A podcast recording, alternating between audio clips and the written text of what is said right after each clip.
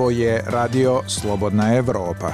Poštovani slušaoci, u najnovijem mostu vođena je polemika o tome da li bi proevropske stranke u Srbiji trebalo da podrže francusko-nemački predlog sporazuma o Kosovu, iza koga stoje Evropska unija i Sjedinjene američke države. Sagovornici su Dragana Rakić, podpredsednica Demokratske stranke i Bojan Kostreš, predsednik Lige socijaldemokrata Vojvodine. Bilo je reči o tome da li se relevantno može razgovarati o dokumentu koji nije zvanično objavljen, kako je predsednik Srbije Aleksandar Vučić interpretirao predlog sporazuma, zašto Evropska unija već 10 godina o Kosovu pregovara isključivo sa Vučićem za obilazeći opoziciju, Da li je Vučić, kao što tvrde neke opozicione stranke, već prihvatio francusko-nemački plan i obećao njegovu implementaciju i koje su crvene linije za proevropsku opoziciju kada je reč o Kosovu? Razgovaralo se i o tome može li autokratski režim dogovoriti kvalitetno rešenje kosovskog problema ili treba čekati dok se Srbija ne demokratizuje. Da li francusko-nemački sporazum sprečava da kosovski problem postane zamrznuti konflikt? Kakve bi bile posledice odbijanja sporazuma, kao i o tome da li je taj sporazum poslednji evropski voz za Srbiju? Most je pripremio Omer Karabeg. Most Radija Slobodna Evropa. Dialogom do rješenja. U današnjem mostu razgovarat ćemo o tome kakav je odnos proevropskih stranaka u Srbiji prema francusko-nemačkom predlogu sporazuma o Kosovu i za koga stoje Evropska unija i Sjedinjene američke države. Naši sagovornici su Dragana Rakić, podpredsednica Demokratske stranke i Bojan Kosteš, predsednik Lige socijaldemokrata Vojvodine.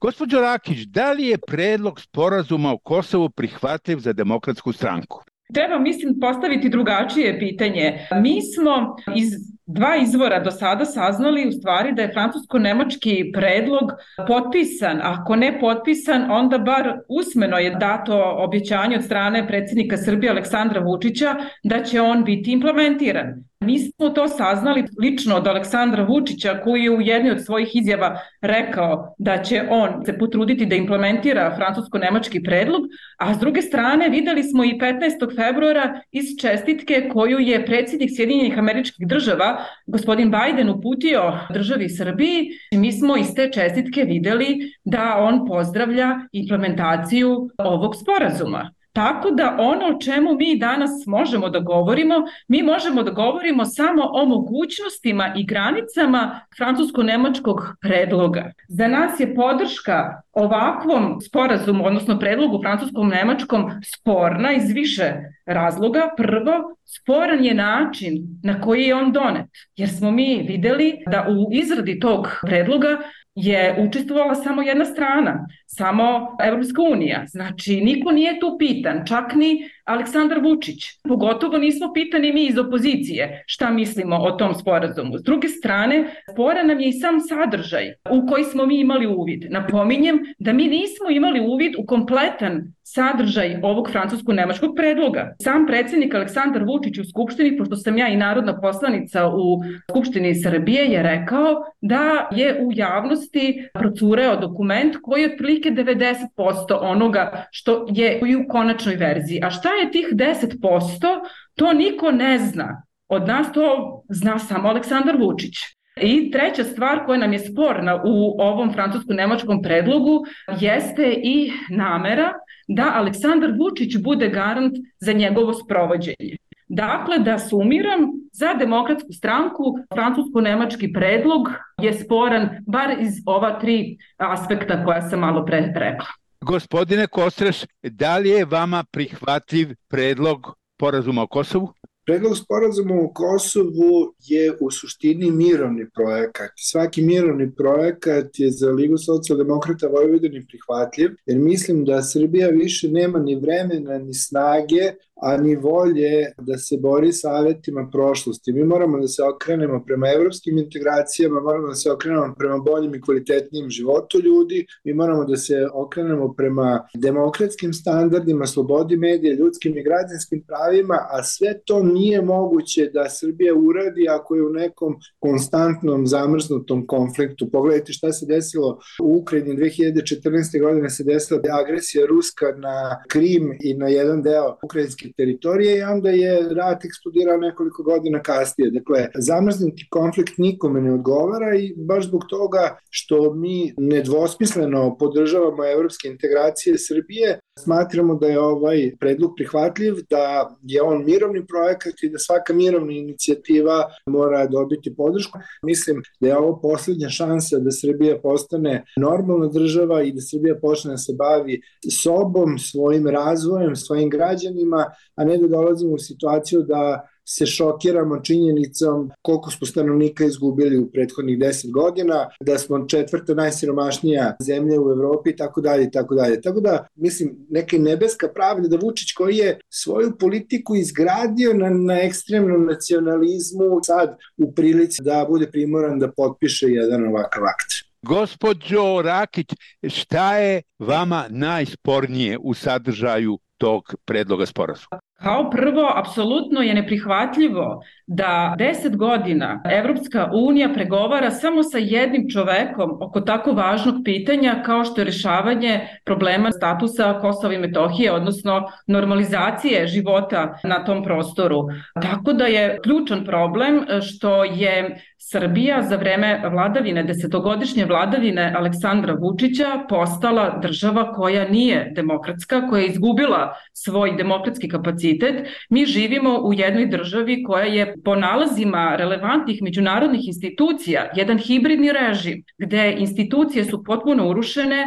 Ali Evropska unija da. i Sjedinjene američke države, da. oni sad pregovaraju sa Vučićem koji predstavlja Srbiju. I ja vas samo pitam šta je vama sporno u sadržaju, u onome što se nudi, kako da se reši odnos između Srbije i Kosova? Šta je vama sporno? Pa, nama je, znači, rekla sam da je prvo sporan način na koji je doneto, znači, apsolutno nije konsultovan niko iz Srbije, pa čak ni predsednik Vučić, jer je on sam rekao da je njemu predočen taj predlog, gde on čak e, ne može ni jednu zapetu da pomeri. Drugo, ono što mi možemo da pročitamo u njemu, mi vidimo da je taj predlog u stvari implicitno podrazumeva da će Kosovo u nekoj budućnosti postati potpuno nezavisno. A najspornije je to što mi nismo imali uvid u ceo dokument. Aleksandar Vučić je rekao da je to tajni dokument, da je to non-paper i da ono što je u javnosti procurilo da je to 90% od integralne verzije, ali tih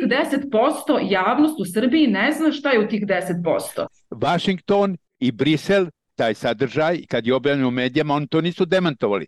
Znači, to je to. I sad mene interesuje kakav je vaš odnos prema toj sadržini, prema toj normalizaciji odnosa koji se nude. Jer to je očigledno ponuđeno Kosovu i Srbiji uzmili ostali.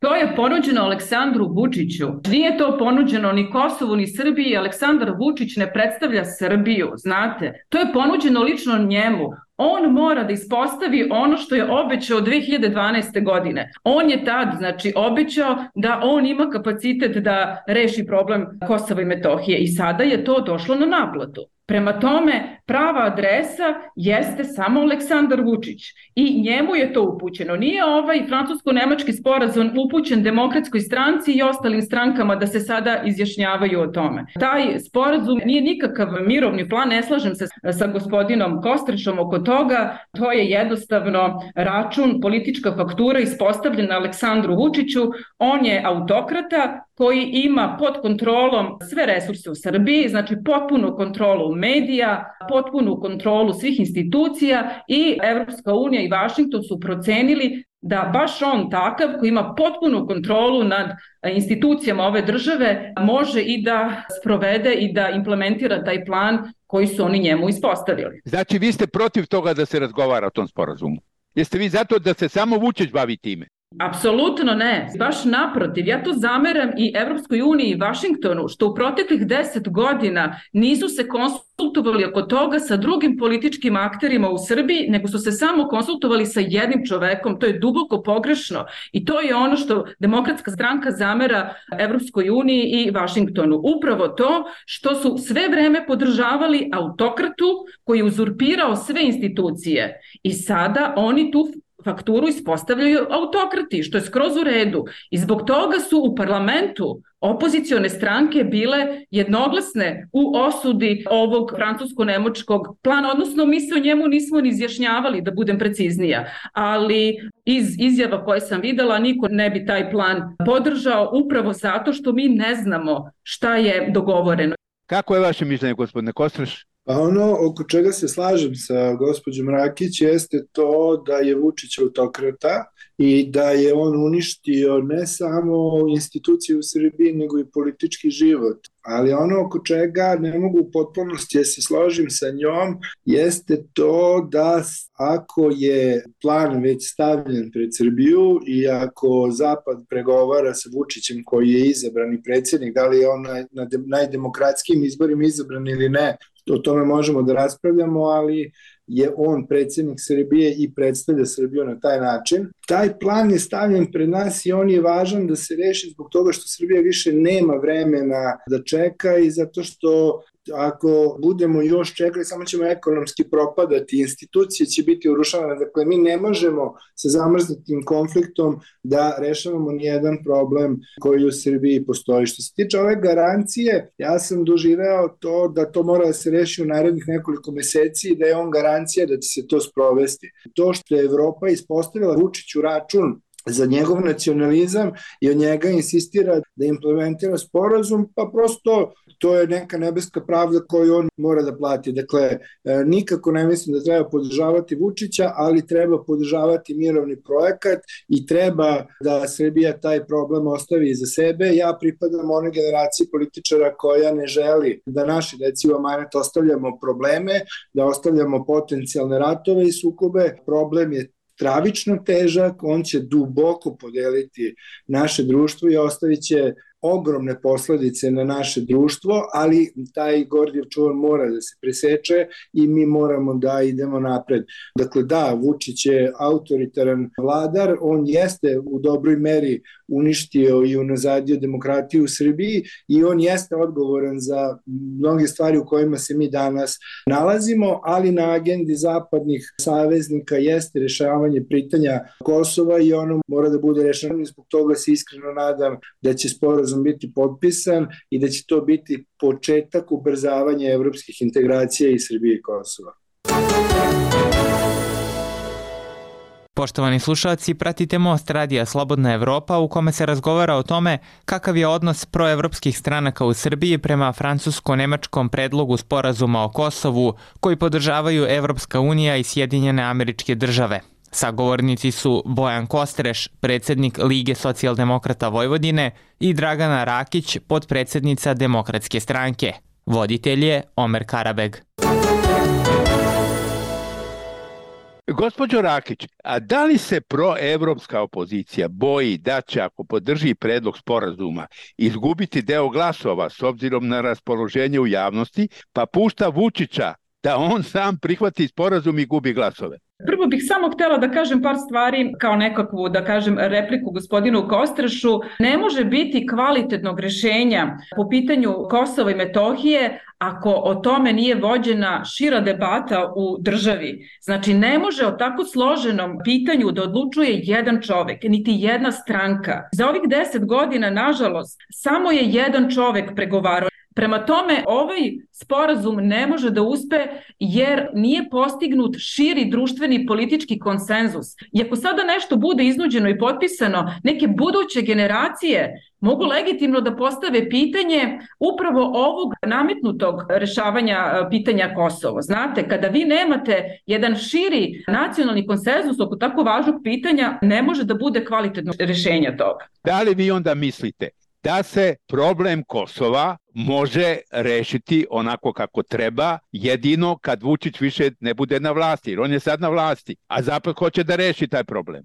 Poslednjih deset godina je apsolutno vođena nakaradna politika od strane Europske unije ka Srbiji. Ovde su podržavali jednog autokratu, žmurili su na kršenje ljudskih prava, na kršenje slobode medija. Ovde u Srbiji ljudi žive bedno. Mi smo četvrta najsiromašnija država u, u Evropi. Kriminal i korupcija rastu. Tu smo šampioni svetski u kriminalu i korupcije. I takva Srbija je izgubila kapacitet da kvalitetno rešava probleme svojih građana, a pogotovo da rešava tako kompleksno pitanje kao što je pitanje Kosova i Metohije. Ne može da bude dobro rešenje dogodi Aleksandar Vučić i njegov režim na vlasti. Gospodine Kostreš, mislite li vi da se ne može pregovarati kvalitetno o Kosovu dok je Vučić na vlasti? Pa sasvim sigurno ne postoji demokratski kapacitet u Srbiji, ali Zapad sada hoće da reši pitanje Kosova iz nekih svojih razloga i Zapad neće čekati da se Srbija demokratizuje. Ja pokušavam samo da budem realan i da kažem da u ovim okolnostima je mnogo bolje da se postigne sporazum koji će omogućiti evropsku budućnost i Srbiji i Kosovu, nego da čuvamo zamrznosti konflikt koji može da preraste svakom momentu u rat. Znate, Rusima je u interesu da bi raširili front i da bi evropljanima napravili problem, njima je u interesu da se zapuca ili u Srbiji ili na Kosovu ili bilo gde na Zapadnom Balkanu. Mi to prosto ne smemo sebi da dozvolimo da opet budemo poligon za tuđe ratove i za tuđa raskosurivanja. Ja mogu da se složim sa argumentima koje iznosi gospođa Rakić, ali ne mogu da se složim sa zaključkom, jer mislim da Evropska unija i Zapad nas neće čekati da se demokratizujemo, koliko god to nam bilo teško i koliko god to nas frustriralo, prosto to je tako kako je. Gospođo Rakić, ako ovaj sporazum, odnosno prihvatanje sporazuma, otvara vrata Evropske unije, da li ga onda u tom smislu treba podržati? Zabluda je da nema napretka Srbije ka Evropskoj uniji zbog nerešenog problema oko Kosova Metohije ili ne prihvatanja integralnog plana dokumenta francusko-nemačkog. To je prosto zabluda i to su odmah demantovali i mnogi ambasadori i evropski zvaničnici. Mi iz demokratske stranke to posmatramo na taj način da naš put ka Evropskoj uniji apsolutno nije uslovljen statusom Kosova, To sam i lično imala prilike o tome da svedočim u razgovoru sa evrozvaničnicima, nikada niko to nije tražio od nas, tako da je to, kažem, jedna zabluda. Zašto onda toliko insistiraju da se prihvati ovaj sporazum i vrše pritisak? Pa zbog toga što ne žele novi rat na tlu Evrope, zato što se plaše uticaja Rusije ovde u Srbiji i zato su i podržavali stabilokratu Vučića, autokratu, jer im je stabilnost bila ispred demokratskih vrednosti. Gospodine Kosreš, mislite li vi da prihvatanje ovog sporazuma otvara vrata Evropske unije za Srbiju? A ja mislim da je suština prihvatanja sporozuma upravo to, jer Evropska unija nije spremna da primi u svoje članstvo ni jednu zemlju koja nema rešena granična pitanja i koja ima potencijalni konflikt, vrlo realan ratni konflikt na svojoj teritoriji. Prosto Evropska unija neće prihvatiti zemlju koja svakog časa može da izbije rat. I zbog toga ja toliko insistiram. Nisam ja ni protiv interesa države Srbije. Ja samo mislim da svi oni ljudi koji žive u Srbiji imaju pravo na bolju i na evropsku budućnost, a do demokratizacije neće doći zatvaranjem, neće doći izolacijom. Zato ja ne verujem da odbijanje ovog sporazuma je dobro za Srbiju, jer će nas uvesti na ovaj ili onaj način u izolaciju. Ja sam bio u Briselu pre dve, tri nedelje i ja imam poprilično drugačije informacije od ljudi sa kojima sam razgovarao u Evropskom parlamentu od gospođe Rakić. Oni naravno neće reći pa nisu rekli ni u Rambujevu bombardovat ćemo Srbiju ako ne potpiše Rambuje, pa smo videli šta se na kraju desilo. Dakle, treba nam snage, treba nam hrabrosti, treba nam odvažnosti da prihvatimo realnost i da kažemo da nam je Evropa i budućnost naših građana mnogo važnija od mitske prošlosti i da nam je stabilnost i mir, da su nam mnogo bitniji od zamrznutog konflikta. Na kraju krajeva, Evropska Srbija će mnogo lakše smeniti Vučića od Srbije koja je izolovana i koja je prepuštena Rusima na milost i nemilost. A to će nam se desiti ukoliko odbijemo ovaj plan. Gospođo Rakić, vi ne mislite da bi odbijanje sporazuma uvelo Srbiju u izolaciju? Ja sam vam već rekla da mi se čini da je ovaj francusko-nemački predlog već dogovoren i rekla sam da smo to čuli da je to rekao i Aleksandar Vučić u jednom od svojih e, obraćanja da će on biti zadužen za implementaciju tog projekta i to smo dobili čitajući čestitku predsednika američkih država Bajdena koji je čestitao 15. februara dan državnosti. To će naredne nedelje pokazati. Mislim da je to već dogovoreno i da nas niko niko ništa ne pita. Ako je Vučić, kao što vi kažete, potpisao taj sporazum, pa zašto se onda vode pregovori sa Kurtijem u Briselu? Zašto se nastavlja dijalog? Što treba dogovoriti i neke detalje, a s jedne strane jednom i drugom je problem da to iskomuniciraju i sa javnošću. Znate, Vučić je svih ovih deset godina vodio politiku što se tiče Kosova poprično nejasno. Tako da je to zaista politika koja se opire zdravom razumu. Kad ste slušali Aleksandra Vučića koji je dva puta bio u parlamentu kada se raspravljalo o Kosovu, njegova politika je bila da ništa ne kaže, da ne kaže nikakva konkretna rešenja. To je bila politika švedskog stola, znači za svakog po nešto. Od usklika Kosovo je Srbija, ne damo Kosovo, ratovaćemo za Kosovo, do toga da je sve izgubljeno i da nas niko ništa ne pita, da smo saterani u ćošak. Konfuzija vlada u javnom životu što se tiče naših pregovaračkih pozicija i stava vlade prema rešavanju ovog problema, a i o francusko-nemačkom predlogu. Ja ponovo ponavljam, mi ne znamo šta piše u tom sporazumu, niti da li je to predlog, okvir, non-paper ili ultimatum. Svako taj predlog naziva onako kako mu odgovara. Poštovani slušalci, pratite Most Radija Slobodna Evropa u kome se razgovara o tome kakav je odnos proevropskih stranaka u Srbiji prema francusko-nemačkom predlogu sporazuma o Kosovu koji podržavaju Evropska unija i Sjedinjene američke države. Sagovornici su Dragana Rakić, podpredsednica Demokratske stranke i Bojan Kostreš, predsednik Lige socijaldemokrata Vojvodine. Voditelj je Omer Karabeg. Gospodine Kostreš, mislite li vi ovo što kaže gospođa Rakić da je Vučić već prihvatio taj sporazum i potpisao ga? Nemam takav utisak, ali se nadam da hoće. Rat u Ukrajini je promenio mnoge stvari, ubrzao mnoge stvari. Evropa je mnogo odlučnija nego što je bila. Ideja sa stabilokratijom, tako su meni bar u Briselu rekli da je bila pogrešna. Evropska administracija je svesna da je stabilokratija jedan od velikih promašaja politike koju su oni gajili prema Vučiću i to već vidimo da se menja i menjaće se i u budućnosti, ali oni sada žele da se taj sporazum, koliko ja vidim, potpiše i upravo to nepotpisivanje bi bila dobra vest i za Vučića i za Kurtija, bojim se da bi bila loša vest za građane Srbije i Kosova.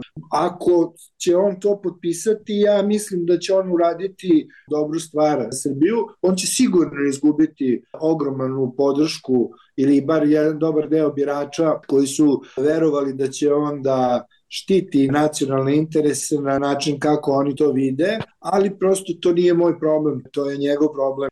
Gospodin Rakić, šta su za vas kao demokratsku stranku koja pripada proevropskoj opoziciji crvene linije kad je reč o rešavanju kosovskog problema? To je više puta jasno istaknuto u našim nastupima u parlamentu kada smo govorili o tome i oko toga postoji opšto saglasje u, u parlamentu da nismo za nezavisno Kosovo, nismo za to da Kosovo dobije članstvo u Ujedinjenim nacijama i da bude malo konkretnije, pitali ste me šta je sporno za demokratsku stranku u francusko-nemačkom sporazumu, bar u onom delu što je nama poznato, onaj dokument koji procure u javnosti, To je svakako stav 4 koji kaže da Srbija se neće protiviti članstvu Kosova u bilo kojoj međunarodnoj organizaciji, jer to implicira da bi Kosovo moglo da dobije stolicu u Ujedinjenim nacijama, što onda znači da Kosovo dobija status nezavisne demokratske države i to je za demokratsku stranku neprihvatljivo,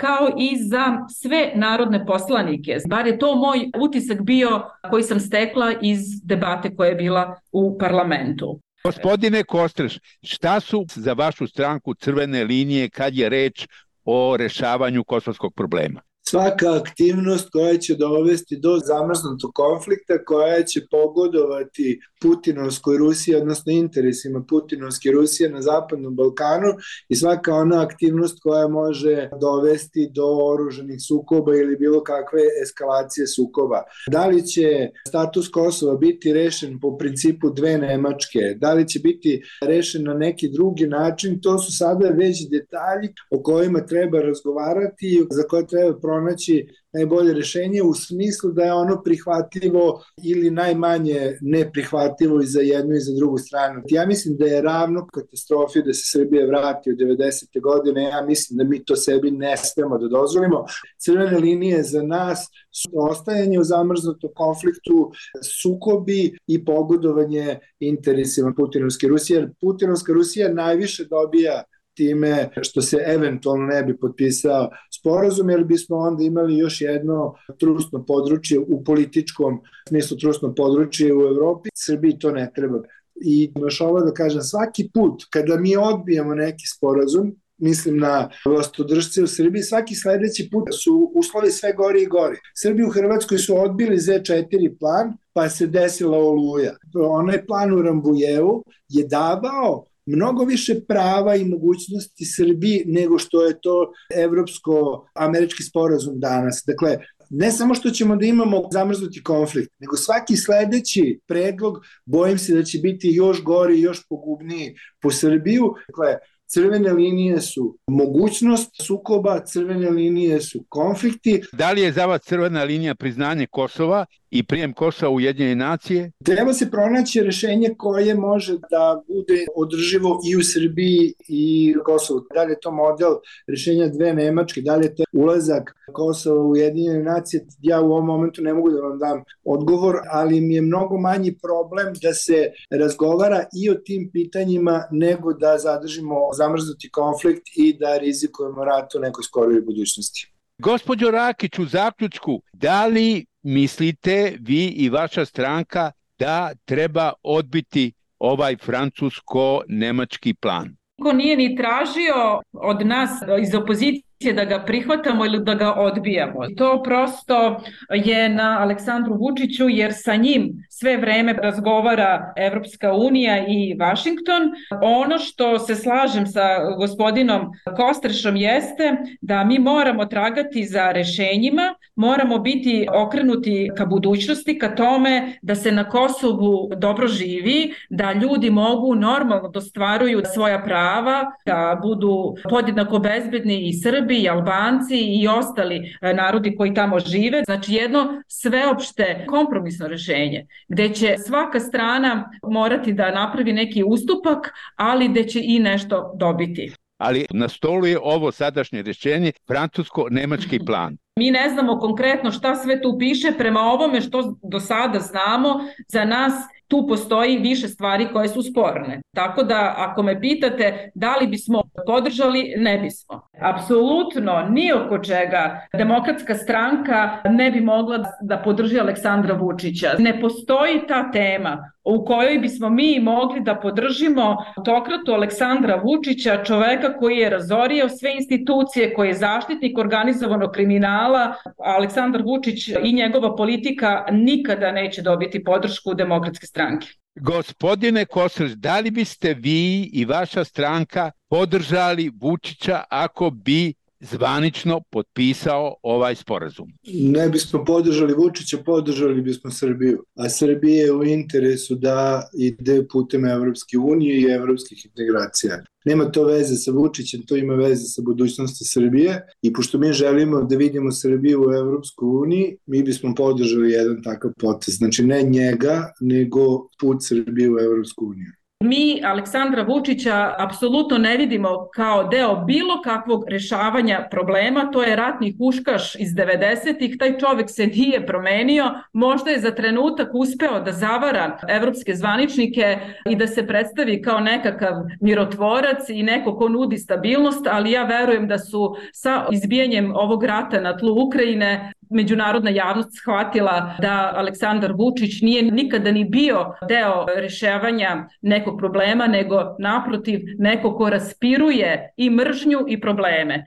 Ako se slažete, ja bi sada završio ovaj razgovor. Bio je to most u kome su naši sagovornici bili Dragana Rakić, potpredsednica Demokratske stranke i Bojan Kostreš, predsednik Lige socijaldemokrata Vojvodine. Posrednik u razgovoru bio je Omer Karabek.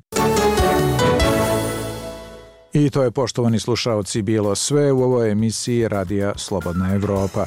Kao i obično možete nas pratiti na web sajtu i društvenim mrežama. Ostanite zdravo!